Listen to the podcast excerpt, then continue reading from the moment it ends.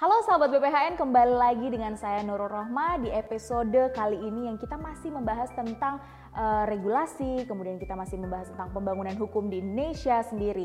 Dan di episode sebelumnya kita sudah membahas bersama dengan Pak Tongam selaku teman ngobrol kita, yaitu tentang uh, kondisi peraturan perundang-undangan saat ini yang kalau menurut Pak Tongam sendiri masih menuju ideal. Namun uh, penataan itu sendiri sudah semakin baik, uh, semakin baik tiap tahunnya. Namun ada hal lagi nih yang harus kita pertanyakan. Bagaimana sebenarnya strategi penataan peraturan perundang-undangan yang dilakukan saat ini oleh pemerintah Pak Tongam? Silahkan.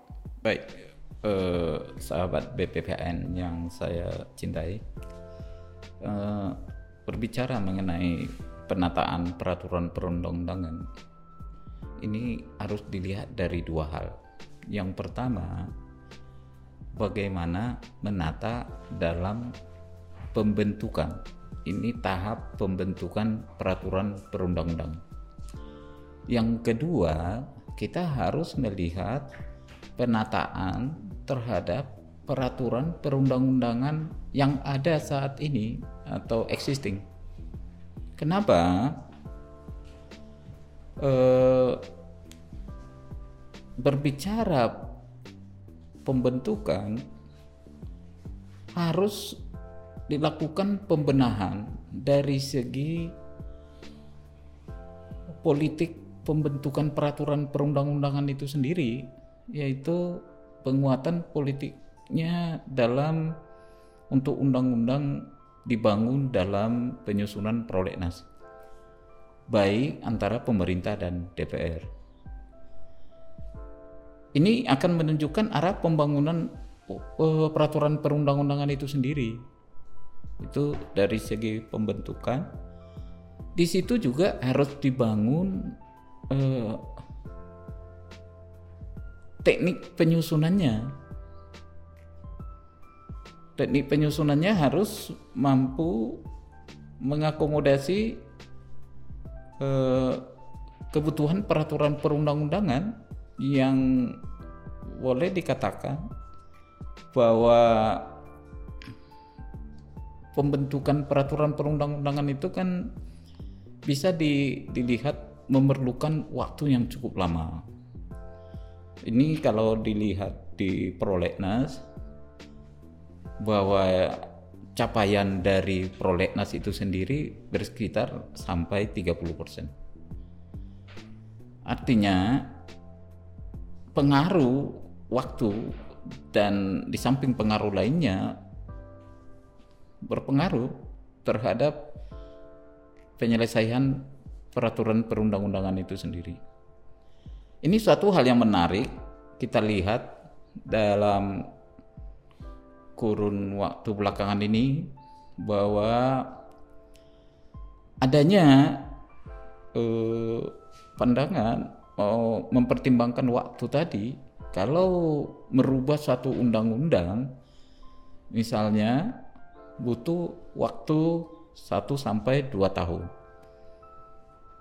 Nah, sebagaimana kita lihat kemarin dalam bidang ekonomi atau uh, perlu uh, mengantisipasi peningkatan investasi dan lapangan kerja uh, yang membutuhkan pembenahan peraturan perundang-undangan dan kalau dihitung dari efisiensi waktu itu memerlukan waktu yang cukup lama untuk sementara kita dihadapkan dalam uh, kebutuhan penyelenggaraan pemerintahan.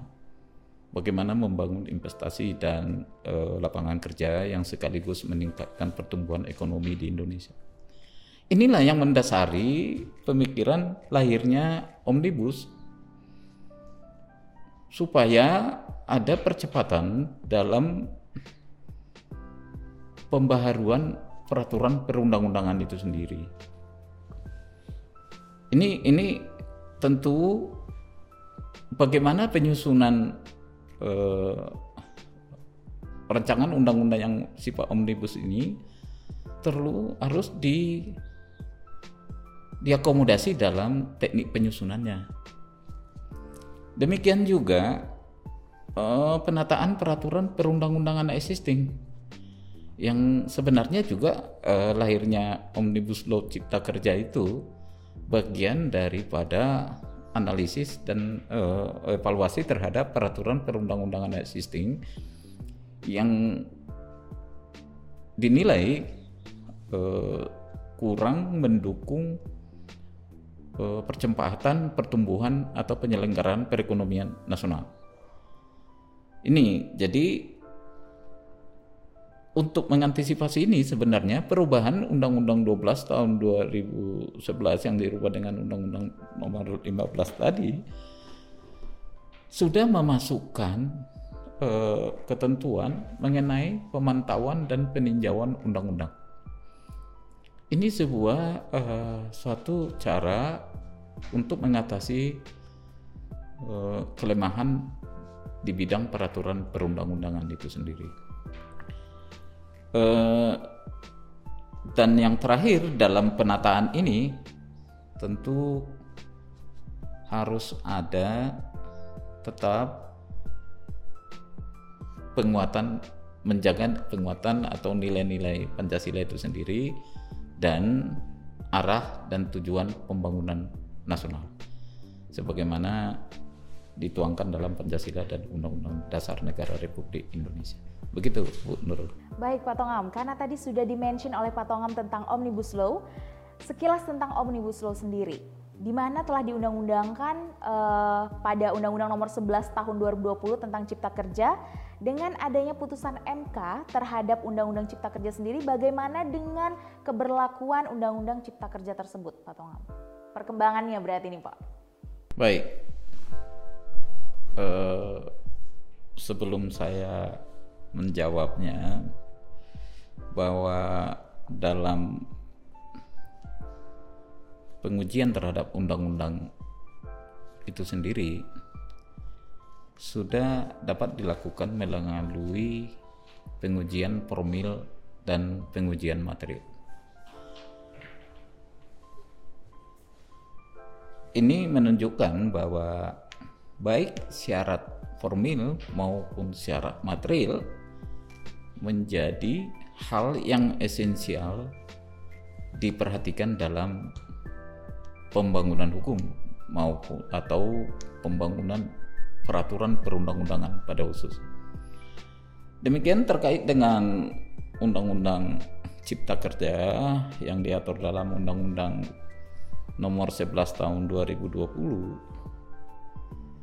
eh, tadi sudah disampaikan ada putusan MK terhadap Undang-Undang Cipta Kerja itu sendiri, eh, perlu saya sampaikan juga bahwa pengujian yang dilakukan saat ini adalah pengujian formil terhadap Undang-Undang Cipta Kerja itu sendiri.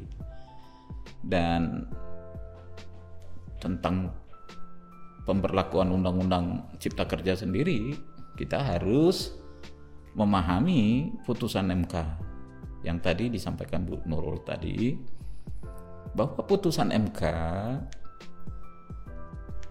yang memberi dalam putusannya sebagai inkonstitusional bersyarat ini dimaknai bahwa Undang-Undang Cipta Kerja masih berlaku tapi dengan syaratnya harus disempurnakan dulu. Kalau di putusan itu disebut eh,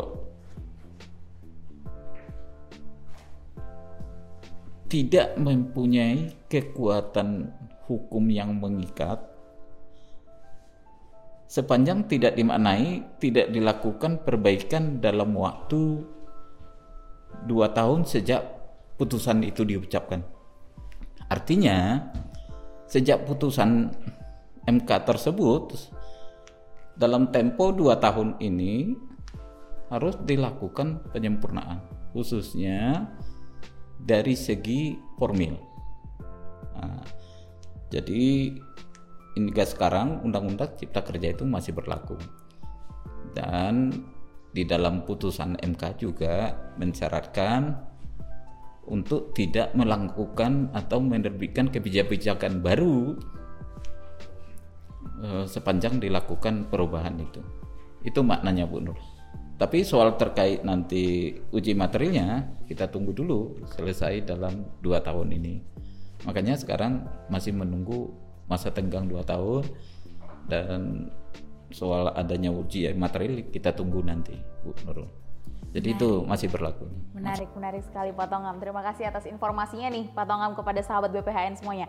Bapak, kita akan kembali ke pembentukan peraturan perundang-undangan.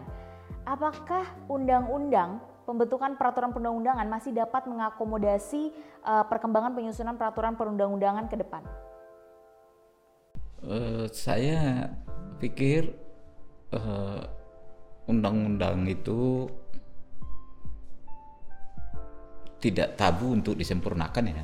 Jadi apabila kebutuhan hukum masyarakat dan bernegara itu dibutuhkan, perubahan itu bisa dilaksanakan terkait dengan Undang-Undang 12 tahun 2011 yang sudah dirubah dengan Undang-Undang 15 tahun 2019 tadi eh, dan saat ini ya untuk mengakomodasi bagaimana metode omnibus law tadi eh, penyempurnaan terhadap Undang-Undang 12 sebagaimana dirubah dengan Undang-Undang 15 tadi sudah disempurnakan dan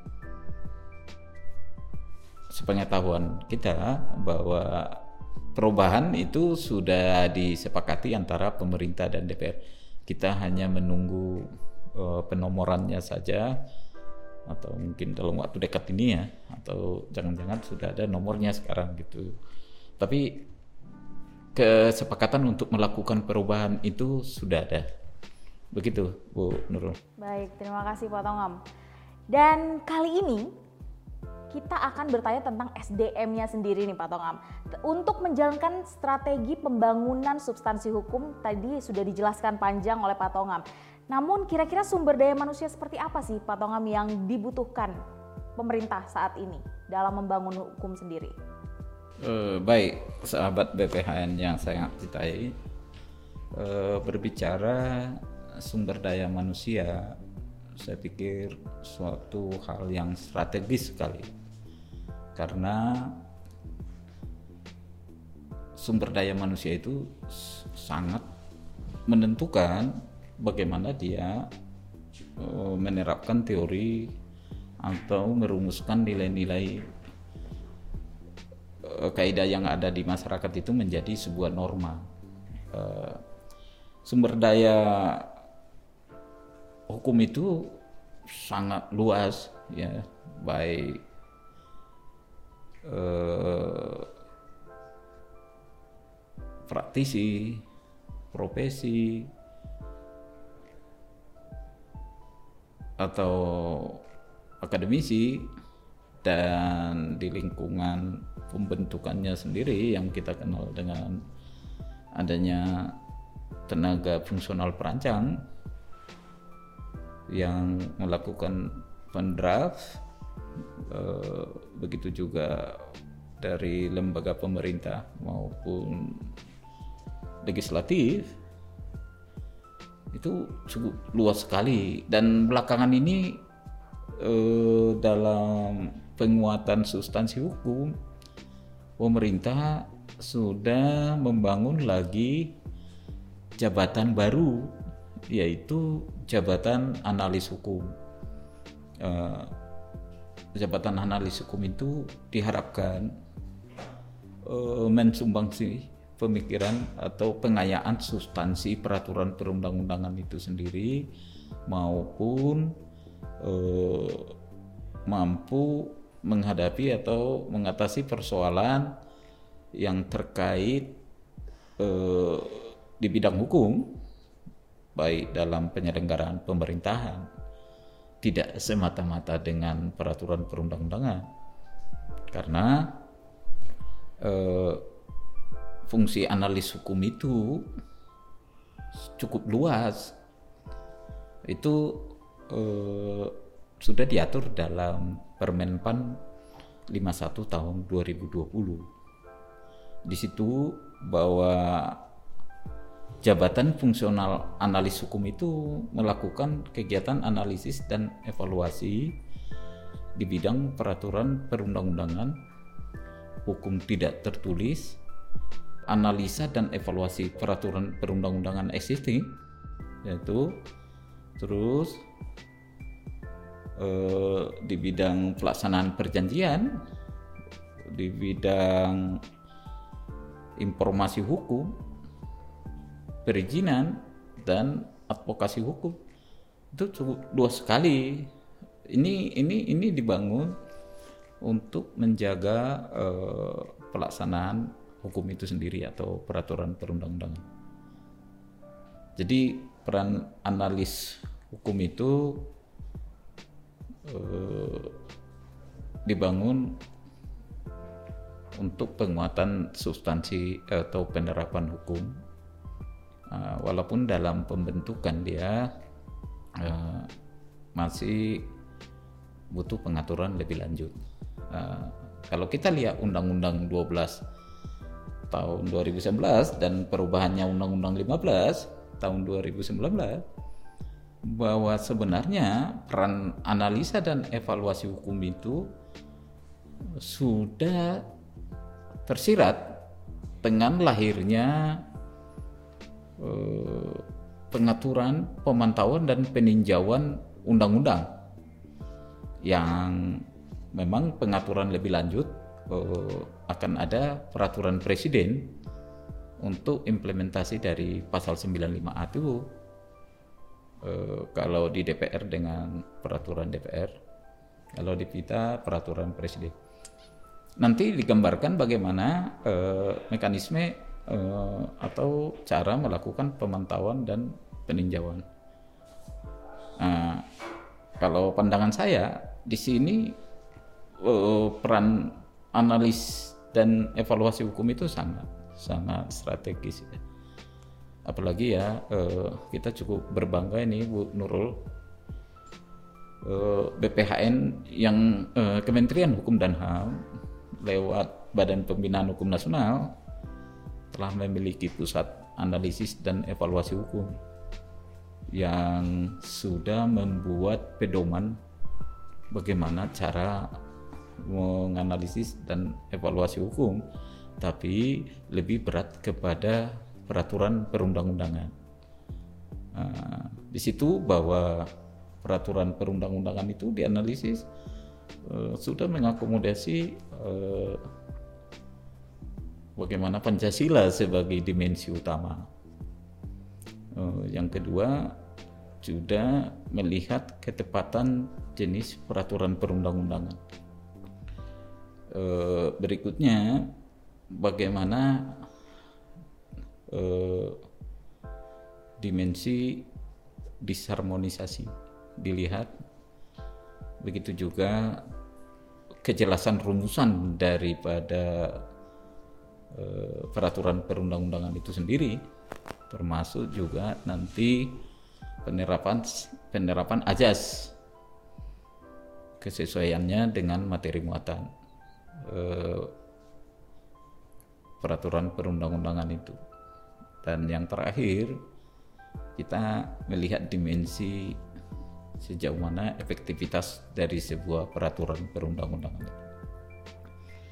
Saya rasa eh, peran strategis analis hukum ini kalau dilihat di dalam penataan peraturan perundang-undangan existing sudah menurut saya sudah jelas. Hanya memang bagaimana peran dari analis itu dalam melakukan uh, artinya tata kelola analis itu dalam pembentukan uh, ini kemarin uh, eh, BPHN Sekiu Pusan ANEP sudah mendorong uh, pengaturan terhadap uh, peran analis hukum itu dalam pembentukan.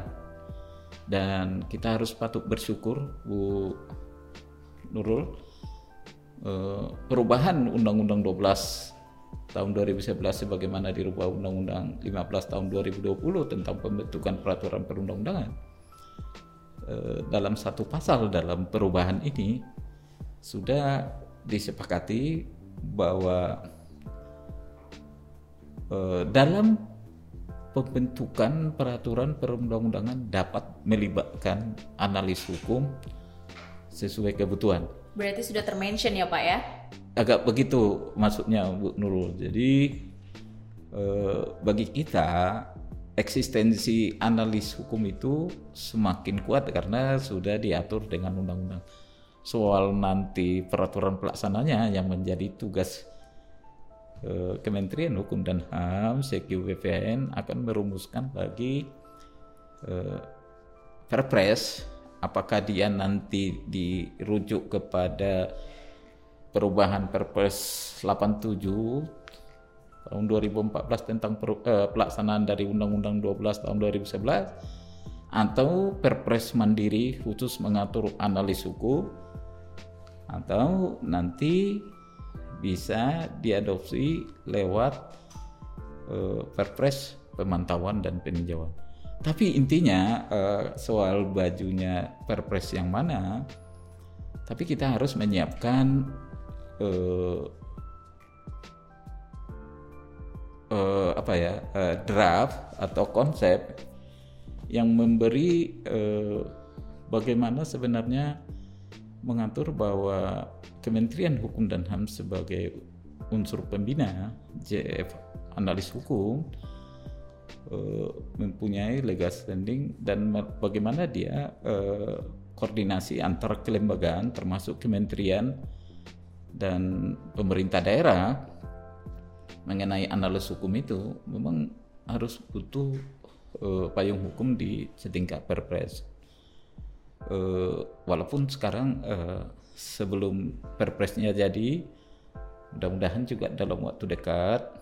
Uh, sekarang lagi harmonisasi, namanya peraturan menteri terkait uh, apa ya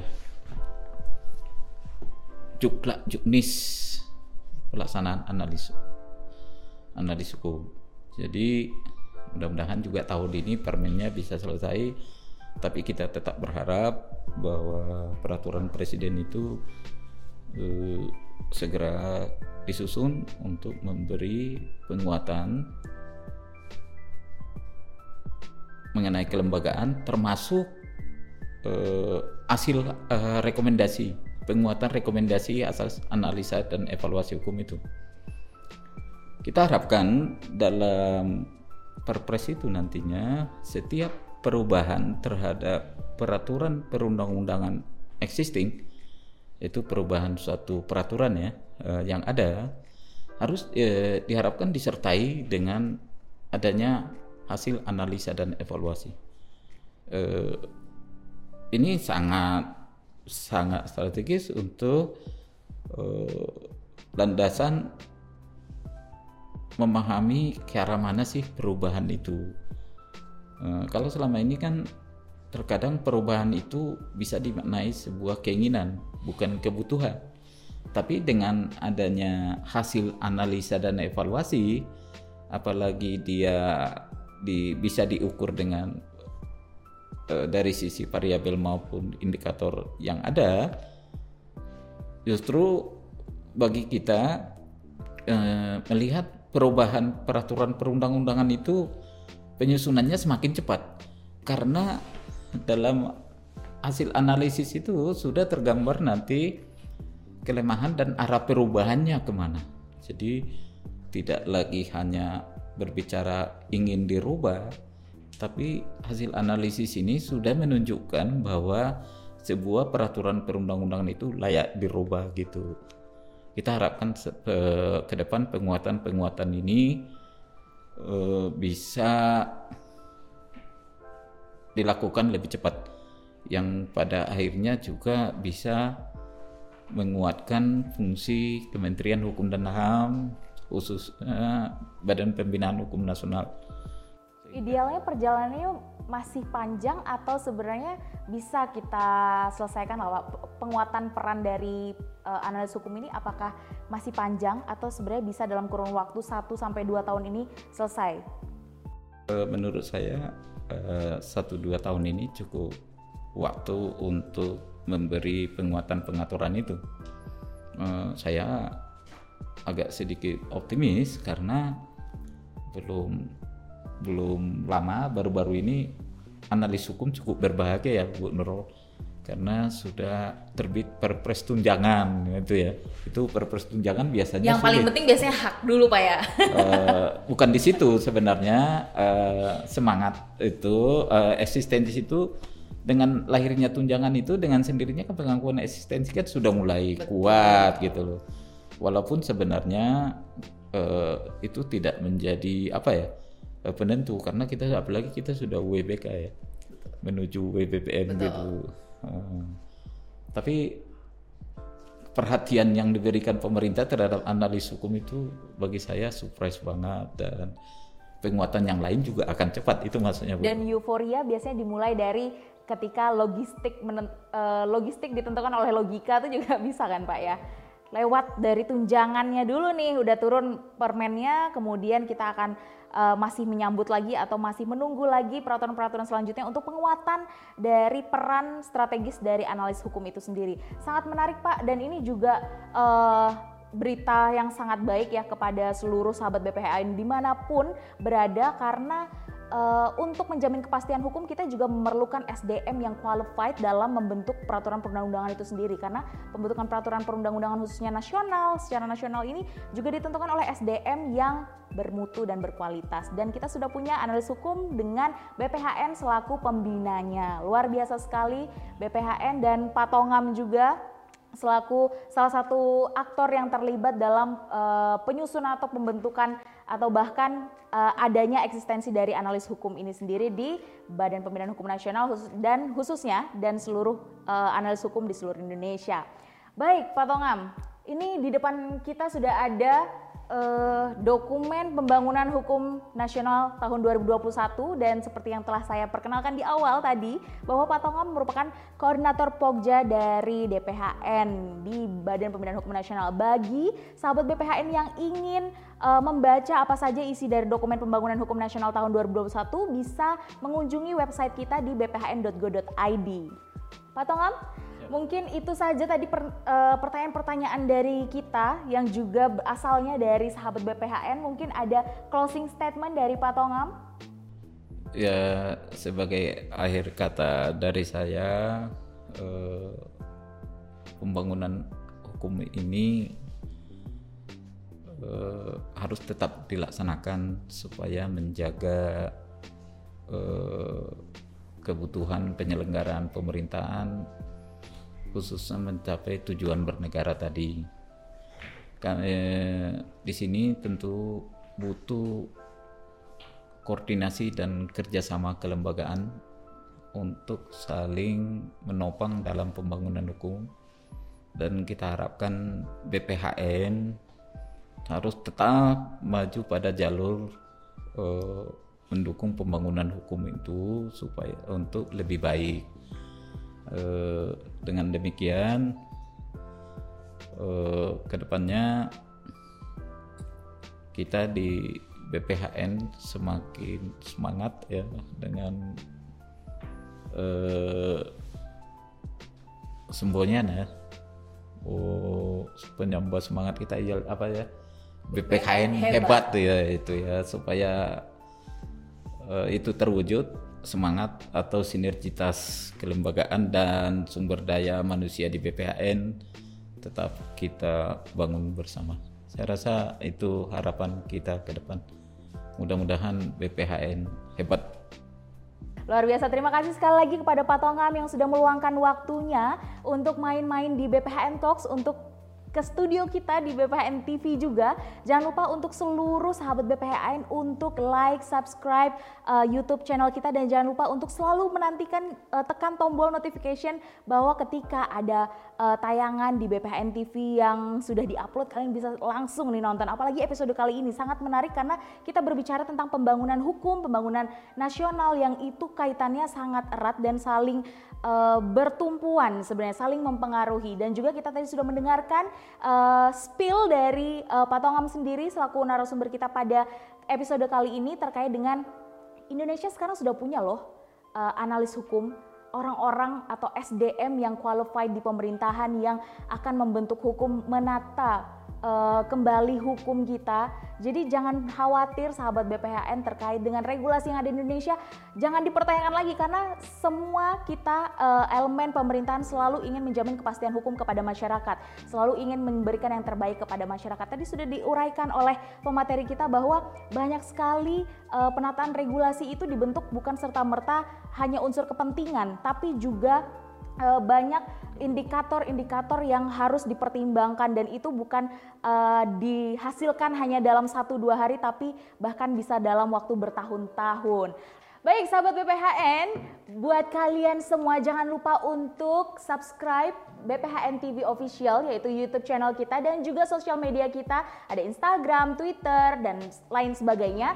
Dan bagi kalian semua yang ingin mendapatkan atau dapat mengakses uh, dokumen pembangunan hukum nasional tahun 2021 khususnya atau informasi lainnya terkait dengan Badan Pembinaan Hukum Nasional kalian bisa dapatkan temukan dengan klik www.bphn.go.id. Jangan lupa untuk uh, sering cek kolom-kolom yang ada di website kita karena akan ada banyak sekali informasi terupdate tentang BPHN. Itu saja dari saya. Sekian terima kasih. Ciao.